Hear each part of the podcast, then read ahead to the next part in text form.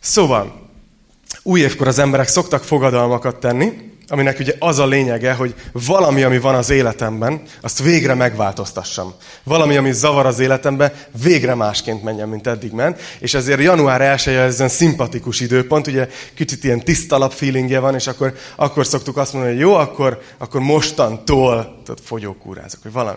Egyébként a, a, a, van egy amerikai kutatás, hogy mit fogadnak meg az emberek új évkor. 53%-a a fogadalom tevőknek azt fogadja meg, hogy többet spórol a következő évben. Persze, karácsony után vagyunk, mindenki kiköltötte azt is, ami nincs. Úgyhogy aztán 45% fogadja meg általában, hogy lead a súlyából.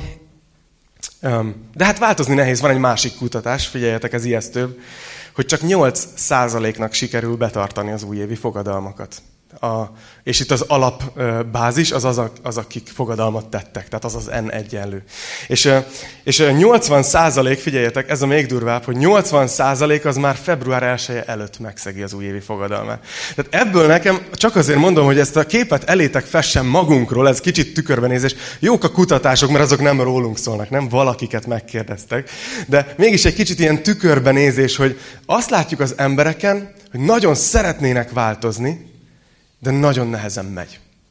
Nagyon szeretnének áttörést, de a változás nagyon nehéz. És a magyarok azok még ennél is pessimistábbak. Észrevettétek, hogy a, a nyelvünkbe, csodálatos anyanyelvünkbe, hogy beépült ez, hogy nem hiszünk a változásba? Kutyából nem lesz. Oké. Okay. Ezt csak azért hoztam, mert tegnap ilyen kolbász csinálás volt nálunk, úgyhogy a szalonnák azok most nekem, nekem így bejönnek. Akkor van ilyen mondás, hogy nem esik messze, Alma a fájától. Így van. Vér nem válik vízé, igaz? Mindegyik mondása, belegondoltok, arról szól, hogy úgy se fog megváltozni az a másik ember. És néha belenézünk a tükörbe, és azt mondjuk, hogy alma nem esik messze a fájára. Tudod, tehát néha magunkra is így, így beszélünk. És ez azért csapda helyzet, mert az emberek tudnak változni. Ez a mai tanításomnak a lényege. Hogy ezt a hitet a Szentlélek elültesse a szívetekbe, hogy az emberek tudnak változni, és fognak is. Lehet, hogy nem olyan gyorsan, de lehet, hogy olyan gyorsan.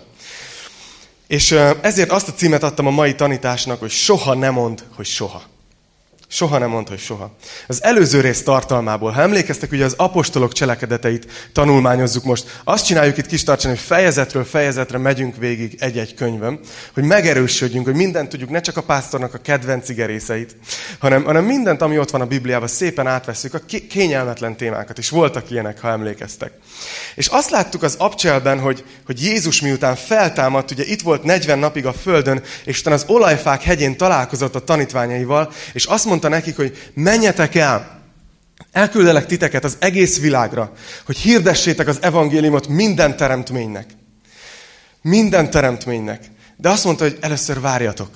Érdekes, nem ez a kettőség? Menjetek el az egész világra, de még egy picit várjatok. És azt mondja, hogy várjátok meg, míg eljön hozzátok a Szentlélek. Anélkül el se induljatok. Mert amikor a Szentlélek eljön rátok, akkor erőt fogtok kapni. És azzal az erővel lesztek a tanúim. Nagyon sokan ma megpróbálunk bizonyságot tenni úgy, hogy, hogy nem imádkozunk előtte, hogy Uram, tölts be a lelkeddel. És csodálkozunk, hogy nem megy. Mert Jézus tanúi úgy vagyunk, ha betölt a Szentlélek. Akkor van erőnk hozzá, akkor lesz ez több emberi szónál. És a tanítványok meg is várták, és pünköstkor megkapták a szent lelket, és láttuk, hogy, hogy megszületett a gyülekezet, mert ezek a félős tanítványok, akik addig elbújtak, és mentették a bőrüket egy, egy felső szobában. Most már a felházat óvatosan kell használni, mert lehet, hogy le van védve. De hogy ez eredeti szövegben az volt. De hogy azt látjuk, hogy ott ültek és féltek, és lejött a Szentlélek rájuk, és hirtelen olyan bátrak lettek, hogy kiálltak nagy tömegek elé. És azon a napon három ezer ember döntött úgy, hogy Jézus az én Uram. Megtértek, és megszületett a gyülekezet. És láttuk, hogy Jeruzsálemben nagyon sokáig együtt volt a gyülekezet, ott laktak.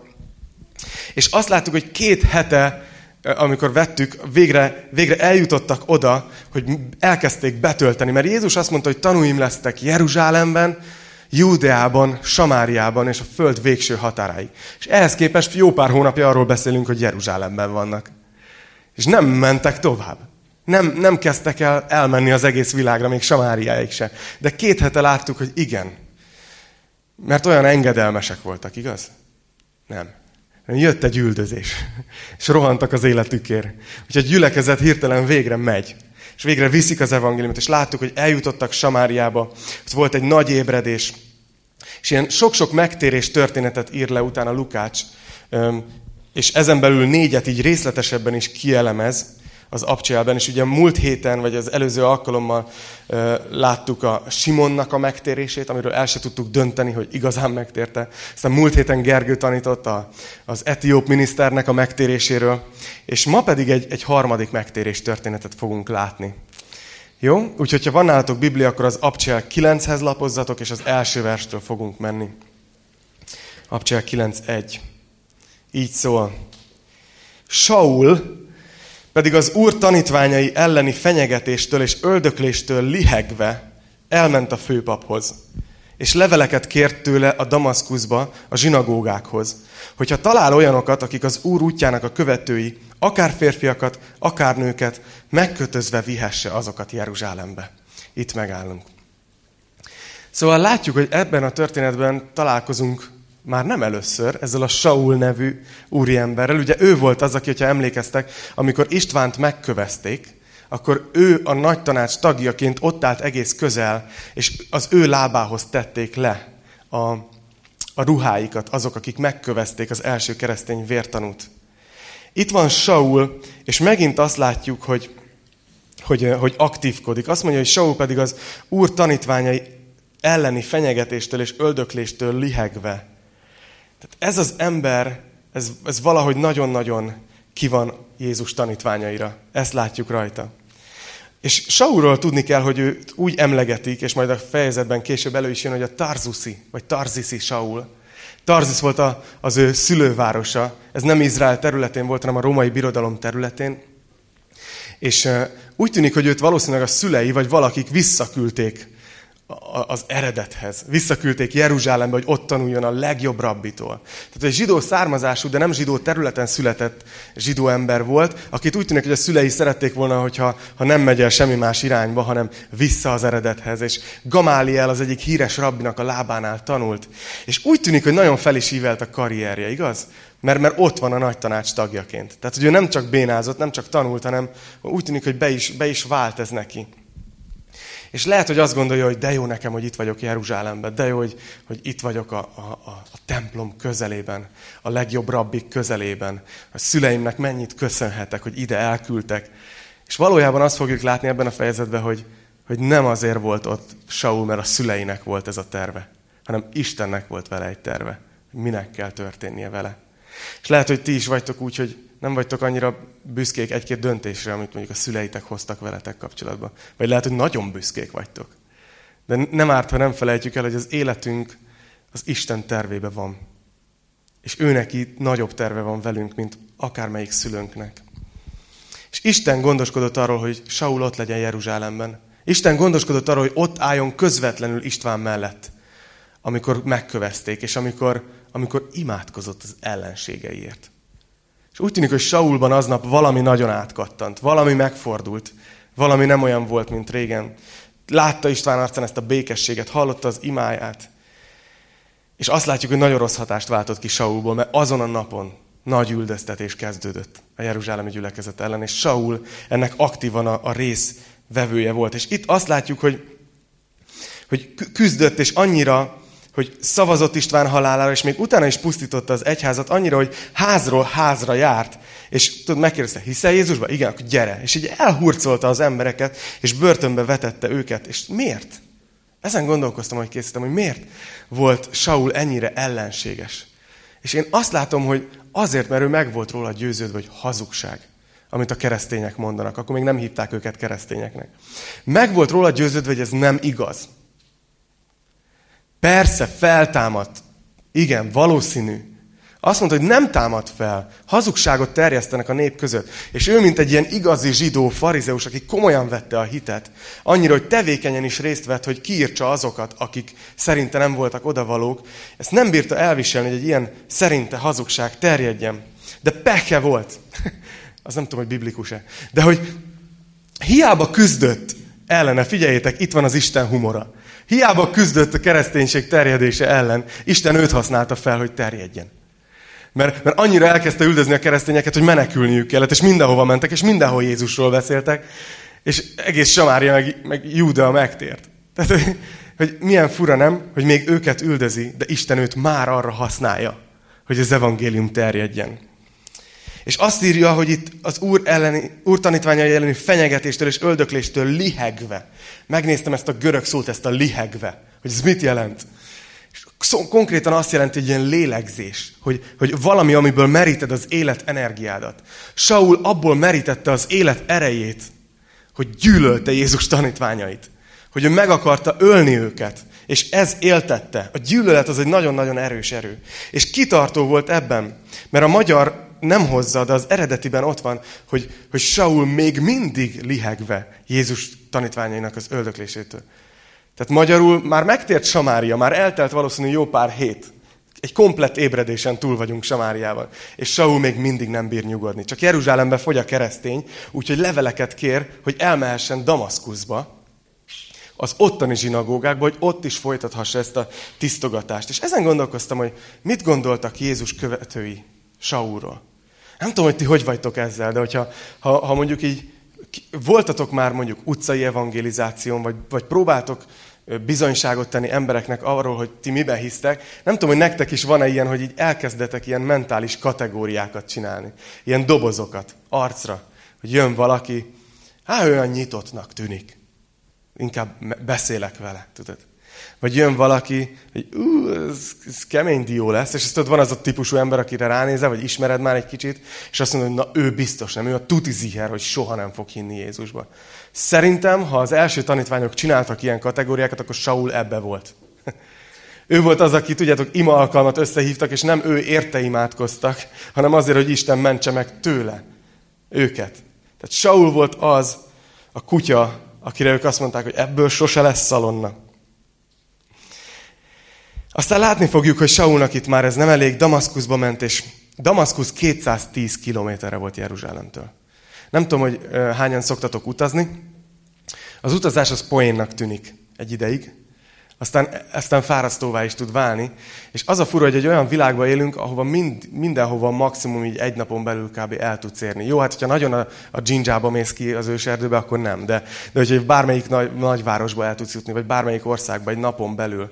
És én is, hogyha amikor foglalom a repülőjegyemet munkám miatt utazok, akkor fú, hogyha már ilyen 20 óra fölötti egy utazás, akkor már, ú, hú, ez nagyon hosszú, nagyon le fogok fáradni.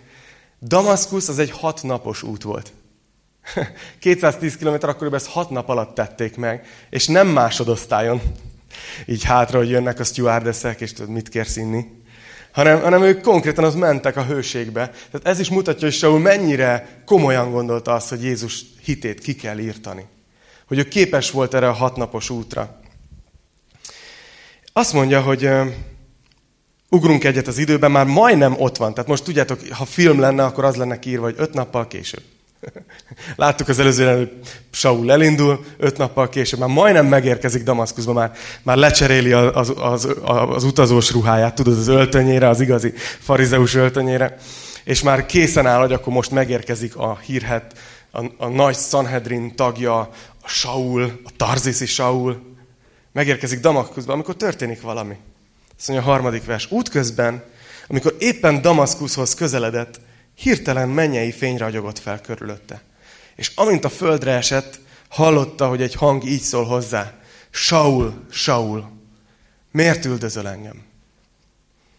Ő pedig megkérdezte, ki vagy, uram? És itt megállok. Gondoljatok bele, megy az úton, készül, hogy mindjárt megérkezik, igaz? És egyszer csak azt mondja, hogy amikor éppen már közeledett Damaszkuszhoz, hirtelen, ezt nem látta előre, mennyei fény ragyogta körbe. Nem tudom, hogy néztek-e filmeket, szerintem így ábrázolják kb. amikor valaki hirtelen egy balesetben meghalt, tudjátok, így pff, elsötétül, és akkor nagyon fehér. Ugye minden világos, ilyen mennyei fény, és akkor tudod, kinyitja a szemét, hogy most életben vagyok, vagy meghaltam, vagy hol vagyok. Én szerintem Saulnak valami ilyesmi lehetett, hogy körbe ragyogta ez az írtózatos fény, amitől utána látjuk majd, hogy meg is vakult. Szóval ez nem csak egy kis, nem tudom, ezer lumenes lámpa volt, hanem ez egy rendes, rendes mennyei fény. És, és ezt hallja, én szerintem még elkezd gondolkozni, hogy most élek, vagy meghalok, vagy... És aztán hallja ezt a hangot. Képzeljétek bele a helyzetetekbe magatokat. Helyzetébe magatokat. Így hallja ezt a hangot, hogy Saul, Saul. És azt gondolja, hogy az én vagyok. miért üldözöl engem? Ó, oh, oh. Saul gondolkozik. Én el tudom képzelni, hogy elkezdenek pörögni a fejében a gondolatok, hogy hát én, én összesen egy csoportot üldözök, azok Jézus tanítványai, akik azt mondják, hogy Jézus meghalt és feltámadt. Mert hazugság, persze, hogy üldözöm őket.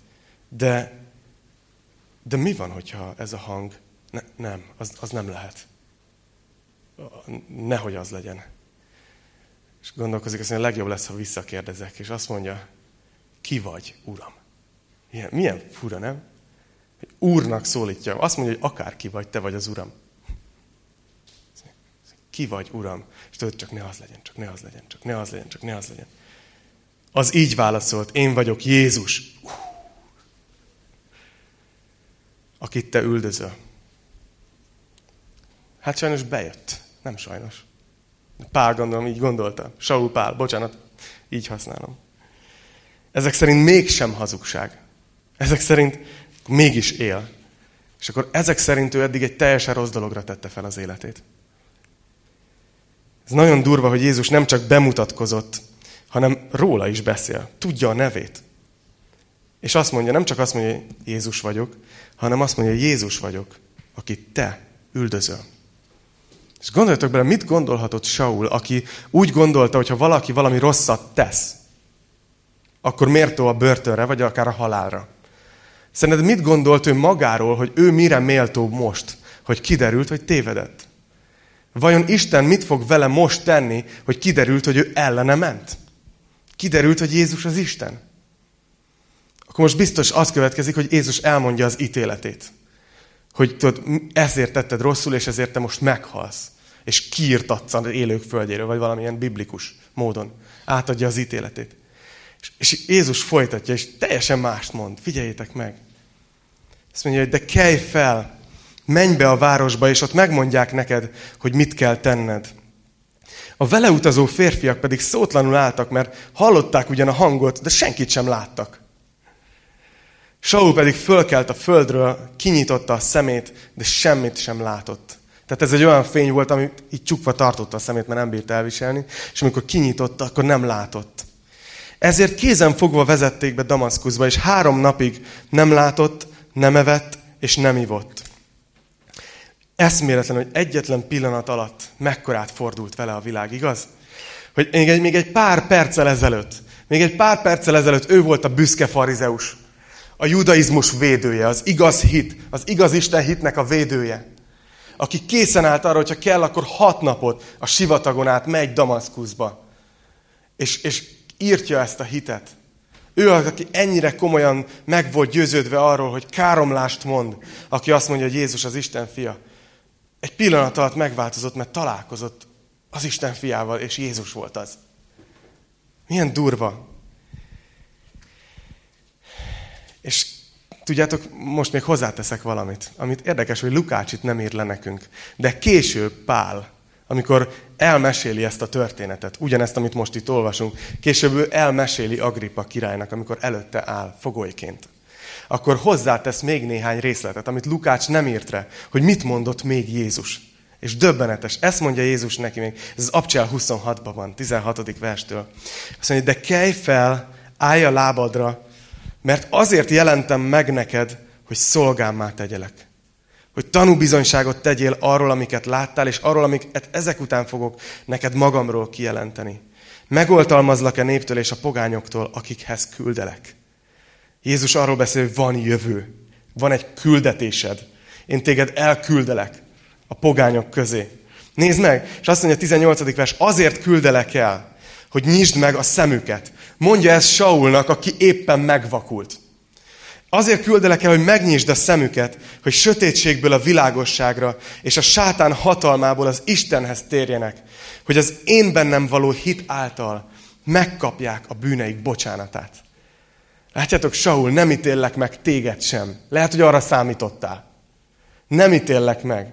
És arra foglak használni, hogy elmenjél a pogányokhoz, és elmond nekik, hogy az én bennem való hit miatt én megbocsátom a bűneiket. Elmondja Jézus neki az evangéliumot. És azt mondja, és örökséget nyerjenek azok között, akik megszenteltettek. Szóval ez történik a Damaszkuszi úton. És most egy kicsit úgy csinálunk, mint egy filmben, jó? Hogy képzeljétek el, hogy most elsötétül a kép, és egy másik jelenet. És kiírja alul, hogy Damaszkusz, nem tudom, 7 óra 30. Tizedik vers. Volt Damaszkuszban egy tanítvány, név szerint Anániás. Az úr megszólította őt látomásban. Anániás. Ő így válaszolt, íme, itt vagyok, uram. Az úr pedig így szólt hozzá, kelj fel. Észreveszitek, hogy Isten minden férfinek ezt mondja a Bibliában. Lehet, hogy egy jó emlékeztető egyébként. Ez nem volt benne a jegyzetemben. Kelj fel, menj el abba az utcába, amelyet egyenes utcának hívnak, és keresd meg Judás házában a Tarzuszi Sault, mert íme imádkozik. És látomásban látja, hogy egy Anániás nevű férfi jön be hozzá, és ráteszi a kezét, hogy lásson. Tehát látjátok, itt Jézus megint megjelenik valakinek, csak ő már nem ijed meg, mert ő ismeri az Urat. Anániásnak, az egyik tanítványnak Damaszkuszba, és azt mondja, hogy figyelj, kelj fel, és menj el ebbe az utcába, megadja a címet, egyenes utca, gondolom az összes többi görbe volt, ez könnyű volt beazonosítani. Menj el, és menj be ebbe a házba, mert ott van a Tarzuszi Saul, és imádkozik. Hú, milyen, milyen jelenet ez. Akkor is gyorsan terjedtek a hírek, és biztosan tudták már a damaszkuszi tanítványok, hogy, hogy jön Saul. Biztos tudták, hogy hamarosan itt lesz, és azért jön, hogy minket kinyírjon, meg elfogjon. És ahogy említettem, valószínűleg ők már beskatujázták a fejükben Sault, hogy ő az, aki tudja, hogy soha nem fog megtérni. Tudjátok? Ő az, aki biztos nem. És szerintem így imádkozik, és, és hallja, amit Jézus mond, Anániás, és így nem hisz a fülének. És így megpróbálja, ez annyira vicces, amikor mi emberek imádkozunk. és Anániás megpróbálja tisztázni az úrral, hogy biztos ugyanarról az emberről beszélünk. Tehát figyel, azt mondja, Anániás így válaszolt, uram. Mindig jó, amikor úgy kezdjük, hogy uram, és utána kioktatjuk. Sokat hallottam erről a férfiról, mennyi rosszat tett a te szentjeid ellen Jeruzsálemben.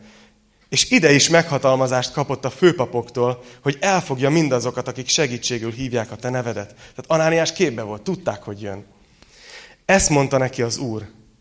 Menj el, mert választott eszközöm ő, hogy elvigye a nevemet a népek, a királyok és Izrael fiai elé.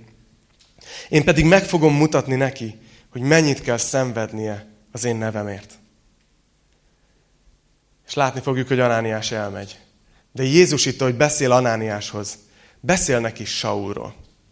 Beszél arról, hogy Istennek mi a terve Saullal hogy mire hívja el, hogy választott eszköz, hogy elmenjen és elvigye a nevemet pogányok, királyok és Izrael fiaihoz. És ez a három csoport, aki ez tényleg Pál majd későbbiekben szolgál. De így elmondja, és mennyire tetszik nekem Istennek a fogalmazás, hogy, hogy azt mondja Anániás, hogy, hogy ide azért jön, hogy elfogja azokat, akik segítségül hívják a te nevedet. És Jézus azt mondja, hogy hát én meg arra választottam őt ki, hogy elvigye a nevemet pogányokhoz, királyokhoz, Izrael fiaihoz. Jézus ez a név, ami, ami Sault megtöltötte dühvel. Hamarosan egész mással tölti meg. És nem tudom, kicsit gondolkoztam ezen, egy néhány gondolat. A mi modern fülünkben, amikor ilyet hallunk, hogy Isten eszközül vesz valakit. Ez olyan kicsit olyan furának tűnik, nem? Ti nem vagytok néha így, hogy hogy kb. olyan, hogy micsoda, Isten használni akar minket. Ez, ez nem tűnik jónak, Isten minket ilyen tárgynak tekint. A modern fülünknek egy kicsit így sérti ezt, hogy ez nem úgy van, hogy ő megkér, én meg eldöntöm, hogy akarok, vagy nem akarok, vagy mi az, hogy eszközül vesz, meg mi az, hogy választott eszköz, meg most akkor, akkor mi van? Ugye kicsit így állunk hozzá. És mégis itt ezt mondja. Azért, mert a mi életünk egy kicsit olyan, tudjátok, hogy mi, mi a magunk urai vagyunk. Mi kitaláljuk, hogy milyen karriert szeretnénk, hogy milyen életszínvonalat szeretnénk, hogy kb. mik azok a tevékenységek, mi az a cél, amit hogyha elérek, vagy hozzájárulok, akkor én elégedett leszek az életemmel. Mivel szeretném tölteni az életemet? És valahol mi azt csináljuk, hogy mi vagyunk az életünk ura. És Isten tekintjük választott eszköznek arra, hogy megadja nekünk, ami ehhez kell. Boldogságot, anyagiakat, egészséget, akármit. De a Bibliának teljesen más a világképe, és nem baj, ha itt a posztmodern korban néha magunkat emlékeztetjük, hogy, hogy alapvetően mi teremtmények vagyunk. És, és nem durva, amikor Isten azt mondja, hogy figyelj, én nekem van egy feladatom, erre készítettelek. Tudod, a szék visszaszólna, hogy ne akarj már rám ülni, majd én eldöntöm, jó? Akkor mit mondanék? Azért vagy szék, ne, ne szóljál már, leülök, mert arra vagy. Azért készültél. Gyönyörű szék. És néha mi Istennel így vagyunk, hogy, hogy nem vesszük észre, de tudjátok, egy gondolat, ami segíthet ebben, szerintem a mi kis posztmodern agyunknak is. Hogy Isten nem úgy vesz eszközül minket, hogy gyere és csinálj valamit, amit utálsz. Hanem ő eleve úgy rak minket össze, hogy amire elhív, ahhoz el is helyezi az összes ajándékot bennünk. Azt mondja Jézus, hogy az én igám könnyű, az én, az én terhem könnyű, az én igám gyönyörűséges. Amikor Isten igája van rajtad, amikor Isten elhívása van rajtad, akkor nem azt mondod, hogy miért használ ki engem az Isten, hanem azt mondod, hogy ez gyönyörű, igazán élek. Azt csinálom, amire teremtve lettem. És nézzétek, hogy Pál később hogy ír, hogy ír erről, hogy Isten őt eszközül vette. Hogy hogy hasonlítja össze azt az életet, amíg ő irányított, ő volt az Úr, ő tudta, hogy, hogy kiket akar kiírtani, és miután Isten átvette az irányítást az életébe. Ezt írja a Filippi levélben a, harmadik részben, negyediktől, hogy pedig nekem lehetne bizakodásom a testben is. Elmondja, hogy miért lehetne, egyébként büszke. Ha más valaki úgy gondolja, hogy a testben bizakodhat, én még inkább. Nyolcadik napon metéltek körül. Izrael népéből, Benyámin törzséből származom. Figyeljétek a fogalmazását. Héber a héberek közül. Igazi. Törvény szempontjából farizeus, a legszigorúbb. A törvényben követelt a buzgóság szempontjából az egyház üldözője. Azt mondja Saul, hogy én nem csak beszélek arról, hogy baj van Jézus tanítványaival, én annyira buzgó vagyok, hogy én üldözöm is őket. A törvényben követelt igazság szempontjából fedhetetlen voltam. Így foglalja össze Pál később ezt a szakaszát az életének, amiben itt láttuk őt eddig. És figyeljétek a hetedik vers, azt mondja, ellenben azt, ami nekem nyereség volt. Ezeket a dolgokat. Kárnak ítélem a Krisztusért. És azt mondja, hogy most is kárnak ítélek mindent. Krisztus Jézus az én Uram ismeretének páratlan nagyságára. Azt mondja, bár hogy az, hogy ismerhetem Jézust, ahhoz képest ez az összes dolog, ez a buzgóság, héber a héberek közül, minden, semmit nem ér. És azt mondja, konkrétan ezt mondja, ő érte kárba veszni hagytam, és szemétnek ítélek mindent, hogy a Krisztust megnyerjem. Itt Saul összehasonlítja a két életét, Krisztus előtt, Krisztus után. Addig úgy érezte, hogy tele volt nyereséggel, de úgy döntött, hogy amit kapott, az sokkal nagyobb érték. És azt mondja, hogy ehhez képest az a régi, amit mások megirigyeltek, ehhez képest a régi, az kár és szemét. És tudjátok, hogy ez egy szépítő körülírás? Ez egy eufémizmus itt a Bibliában, a magyar fordításban. Mert az a szó, az a szó, hogy szemét, ami itt úgy van lefordítva, hogy szemétnek ítéli Pál, azt tudjátok mi? Az állatürülék. A skubula. Ez a görög szó. Tehát Pál azt mondja, hogy ahhoz képest, hogy ismerhetem Krisztust, az összes többi dolog az életemben, az egy nagy kupac. Helyettesítsétek be. Hogy ennyit ér. Ő így ítélte meg. Ennyire volt neki rossz, hogy Istennek választott eszköze lett. Hogy a legteljesebb életet élte utána. Tehát Anániást itt elküldi Jézus. Térjünk vissza oda Damaszkuszba. Azt mondja, hogy menj el, mert választott eszközöm ez az ember, elvigye a nevemet. És nem tudjuk, ki volt ez az Anániás. Tudjuk, hogy nem volt apostol. Nem tudjuk, hogy volt-e bármilyen hivatalos szolgálata a gyülekezetben. Nem tudjuk, hogy ő volt-e ott a damaszkuszi gyülekezet lelkipásztora. Semmit nem tudunk róla. Egy tanítvány. Damaszkuszból. És mégis Isten őt használja arra, hogy Pál visszakapja a látását, és megteljen Szentlélekkel. És belegondoltam, hogy vajon később azért Anániás menőzött ezzel? Tehát, hogy, tehát egy beszélgetésben csak így, csak így óvatosan elhintette, hogy ja, mellesleg én tettem rá a kezemet Pálapostóra. Tudjátok, aki úgy végig evangelizált a fél Európát, megírta a fél Bibliát. Nem akarok itt menőzni, csak tudod, van egy ilyen selfie, hogy éppen teszi rá a kezét. De később felvágott ez, hogy igen, én csak anániás vagyok Damaszkuszból, de tudjátok, hogy kiért imádkoztam egyszer? Oh my gosh, Pál apostolért. De Anániás csak ment, ő egy egyszerű tanítvány volt, és ment. És ezt látjuk 17. versben. Anániás pedig elment, és bement abba a házba, rátette a kezét, és ezt mondta, figyeljétek, testvérem, Saul. Mibe kerülhetett ez a szó neki, hogy testvérem? De tudta, hogy Jézus azért szólt neki, mert Saul megtért. Saul úrnak nevezte Jézust a Damaszkuszi úton. Saul újjá született. És azt mondta neki, testvérem, Saul. Az Úr, az a Jézus, aki megjelent neked az úton, amelyen jöttél, azért küldött engem, hogy újra láss, és megtelj Szentlélekkel. És egyszerre, mintha pikkelyek estek volna le a szeméről, újra látott. És felkelt, és megkeresztelkedett. Majd miután erőre kap, majd miután evett, erőre kapott.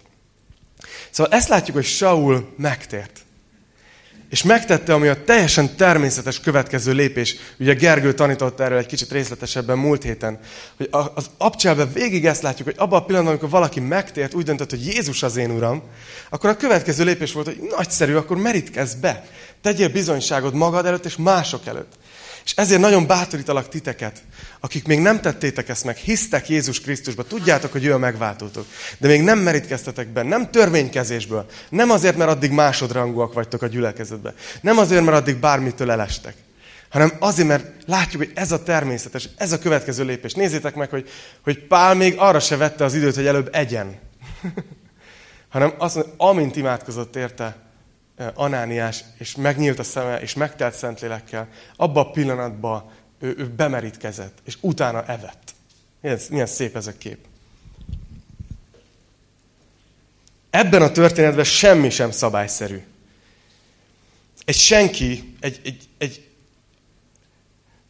azok szemében, akik a pozíciót nagyra tartják, tudjátok, ő az ilyen vezető, olyan vezető, ilyen pásztor, nagy hatalma. Az ilyen emberek szemében Anániás egy senki. Jézus szemében egy drága gyermeke, egy tanítvány. De egy ilyen ember teszi rá a kezét a későbbi nagy pálapostolra. Isten humora, nem? Előbb töltekezik be Szentlélekkel, mint hogy bemerítkezne. Ezt se éppen így tanítjuk sokszor.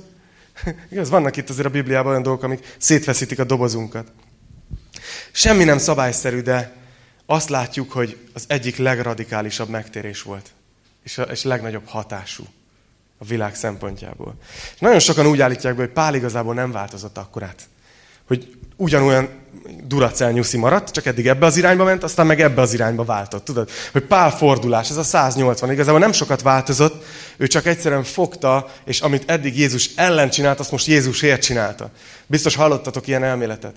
És tudjátok, valamilyen szempontból igaz, mert a, a kitartása, a buzgósága az megmaradt. Eddig buzgóság szempontjából az, üldözá, az egyház üldözője volt, ezután buzgóság szempontjából az egyház építészmérnöke, nem tudom, hát végig, végig ő volt a legnagyobb misszionárius. De Pál nagyon-nagyon sokat változott. Mondok néhány dolgot, csak hogy lássatok, hogy mennyire radikális volt az a változás, amit Isten hozott az életébe. Amikor azt mondjuk, hogy beskatujázunk valakit, hogy nem tudunk változni. Nézzétek meg ez az ember, mekkorát változott.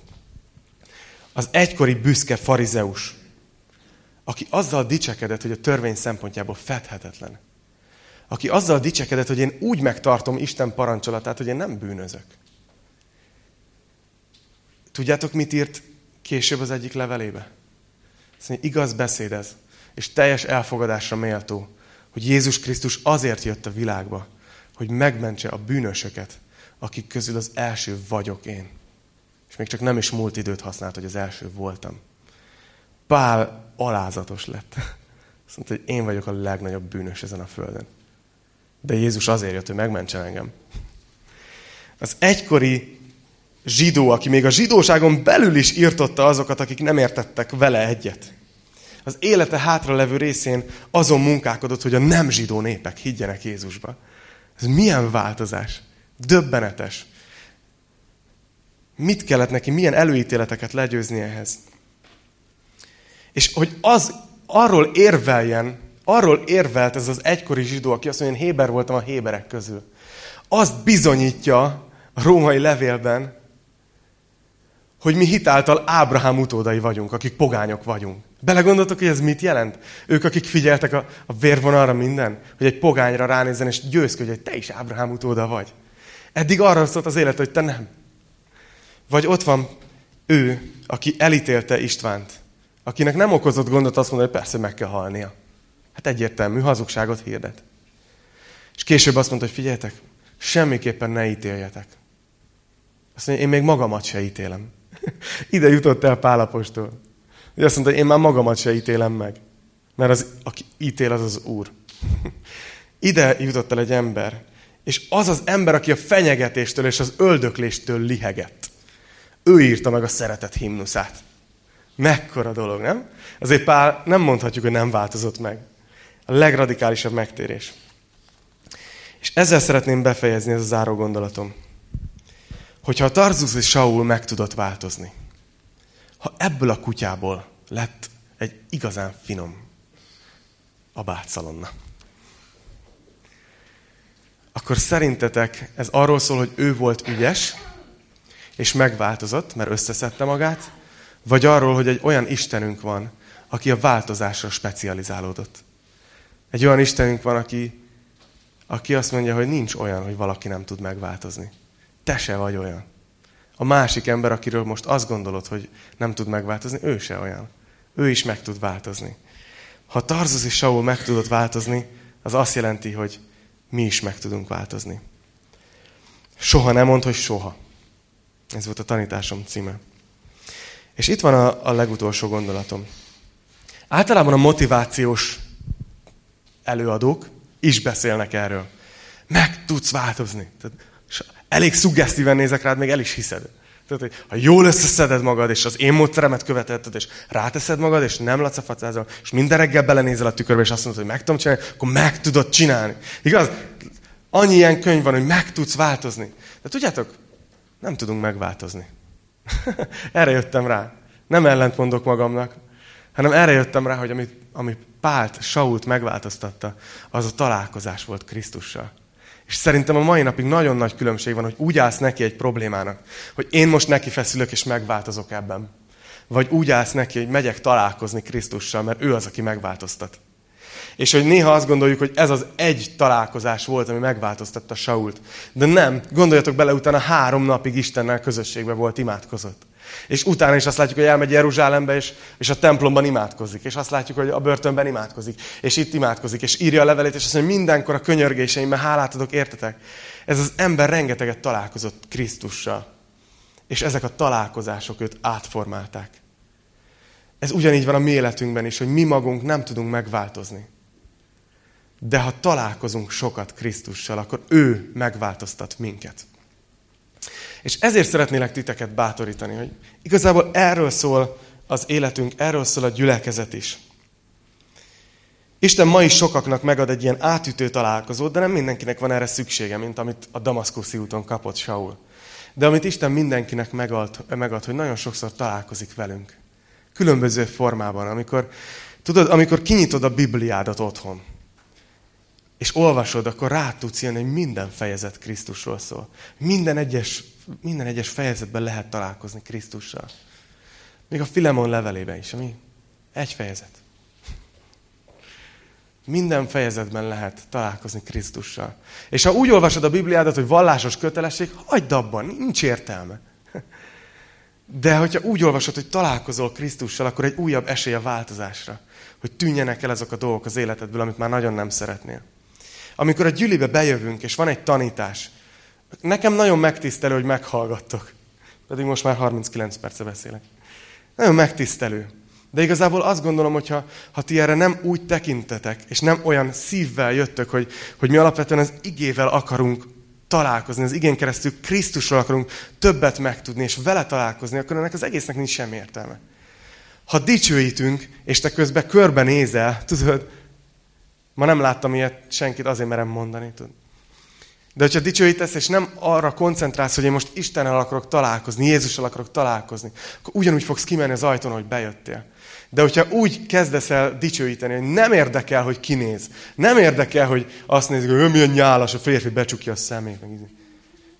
hanem az az első célod, hogy én akarok ma találkozni Krisztussal, mert, mert szükségem van rá.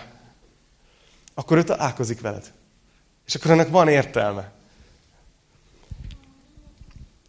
Ezért veszünk urvacsorát minden héten. Azt is továbbadhatjuk megszokásból. Valaki azt mondta, hogy nem lesz ez így túl rutin.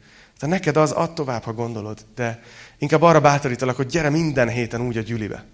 Hogy tudod, hogy urvacsorázni fogunk, és tudod, hogy azért, mert emlékeztetjük magunkat arra, hogy mit tett Jézus értünk, és hogy miért kellett ezt megtenni. Hogy mi bűnösek voltunk, de meghalt értünk. És feltámadt a halálból. És találkozás Krisztussal. És ezért, ezért teszünk mindent. Úgyhogy ha egy gondolatot meg, megjegyeztek ebből, az egész tanításból, amit hazavisztek a hetetekbe, Hogy kérdezzem tehát akartok változni? Bármi van valakinek az életében, amiből szeretne megváltozni? Nagyon bátorítalak arra, hogy, hogy ne próbáld meg a saját erődből, hanem, hanem ne felejtsd el, hogy nem magunkat változtatjuk meg, hanem a találkozások Istennel változtatnak meg minket. Tedd ki magadat minél többször Isten jelenlétének. Néha olyanok vagyunk, hogy vesszük a barnító krémeket, ahelyett, hogy kifeküdnénk a napra. Nem én. Na jó, elárultam egy titkomat. Nem. Tudjátok, ez egy nagyon hasonló dolog, ha, ha kiteszed magad Isten jelenlétének, akkor, akkor lebarnulsz. Amúgy próbálkozhatsz tubusos vackokkal, és egy-egy területe a testednek lehet, hogy barnább lesz. Lehet, hogy nem is egyenletesen. A legjobb, amit tehetünk, hogy kimegyünk a napra, hogy Isten jelenlétébe időzünk, amennyit csak tudunk. Nem tudom, hogy láttátok-e, mert szerencsére nincs egy magas színpadunk, és ezért lehet, hogy nem is láttatok engem, meg nem is engem néztetek, remélem, amikor, amikor dicsőítettünk, de elérzékenyültem, és, és nem is tudtam énekelni egy, egy egész verszakot. Mert talán tudjátok, hogy, hogy tegnap meghalt a nagymamám, és amikor odaértünk ahhoz a, ahhoz a verszakhoz, hogy majd amikor eléd állok, így lefagytam. Hogy ő most ott van. Mert az Úrba bízott, és tudta magáról, hogy ő nem egy tökéletes ember. Ez, ez volt nekem a legledöbbentőbb így a, az elmúlt években, hogy beszélgettem vele, hogy, hogy mennyi mindent elmondott a hibáiból, mennyi mindent elmondott a, a dolgaiból, tudod, a, a múltjából, a nehézségeiből. De, és, és ezt mondta, hogy Atikám, rajtunk csak a kegyelem segít. És milyen igaza van? Milyen igaza van? Megértette a lényeget, és tudjátok, lehet, hogy ti se vagytok tökéletes emberek, meg nem is lesztek. De ha megértitek a lényeget, hogy Isten az, aki minket változtat, és ő viszont az ő szemében már igaznak tekint minket, akkor az egész életetek a fejetekre fordul. De ezt nem elég itt tudni. Ezt el kell hinni itt. És ez, sokszor ez a 36 centi. Ez a legnehezebb távolság a Földön. Úgyhogy bátorítalak titeket, hogy ezen a héten így álljatok neki. Eljön az a nap, amikor majd mi is odaállunk Jézus elé, színről színre. Amikor olyan találkozásunk lesz vele, ami végleg átváltoztat minket. De addig kapunk ilyen kis találkozásokat, és becsüljük meg. És tudod, nem azért mondom, hogy gyere gyűlibe, mert, mert akkor szép a terem, ha tele van. Hanem, hogy becsüljük meg a lehetőségeket, amikor, amikor találkozhatunk Krisztussal, és változtathat minket. Az ő szeretetével, az ő kegyelmével az ő szívével, az ő erejével. Úgyhogy soha nem mondjátok, hogy soha. Imádkozzunk.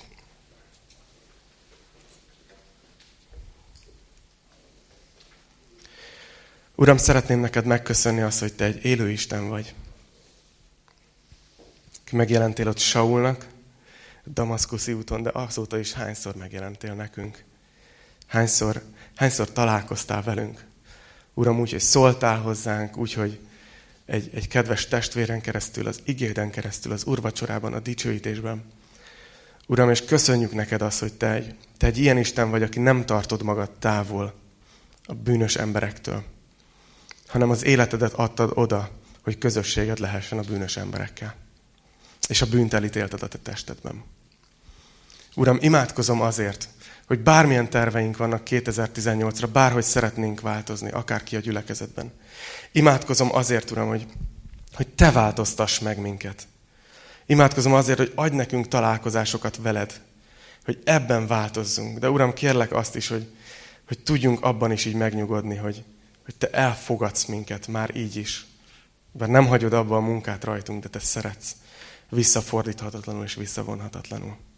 És köszönjük neked, hogy Te ez vagy Jézus. Imádkozunk azért, Uram, hogy, hogy tölts be minket a szent lelkeddel. Hogy tehessünk erről az Istenről bizonyságot, Uram. Annyira tele van a világ olyan kereszténységgel, amire az emberek azt mondják, hogy köszönöm, nem kérem. És, mi, és annyira szeretném, Uram, ha csak kimehetnénk, és csak, csak bepillantást engedhetnénk abba, hogy milyen az, amikor veled vagyunk, és csak benned bízunk. Kérlek, Uram, hogy tölts be minket a szent lelkeddel.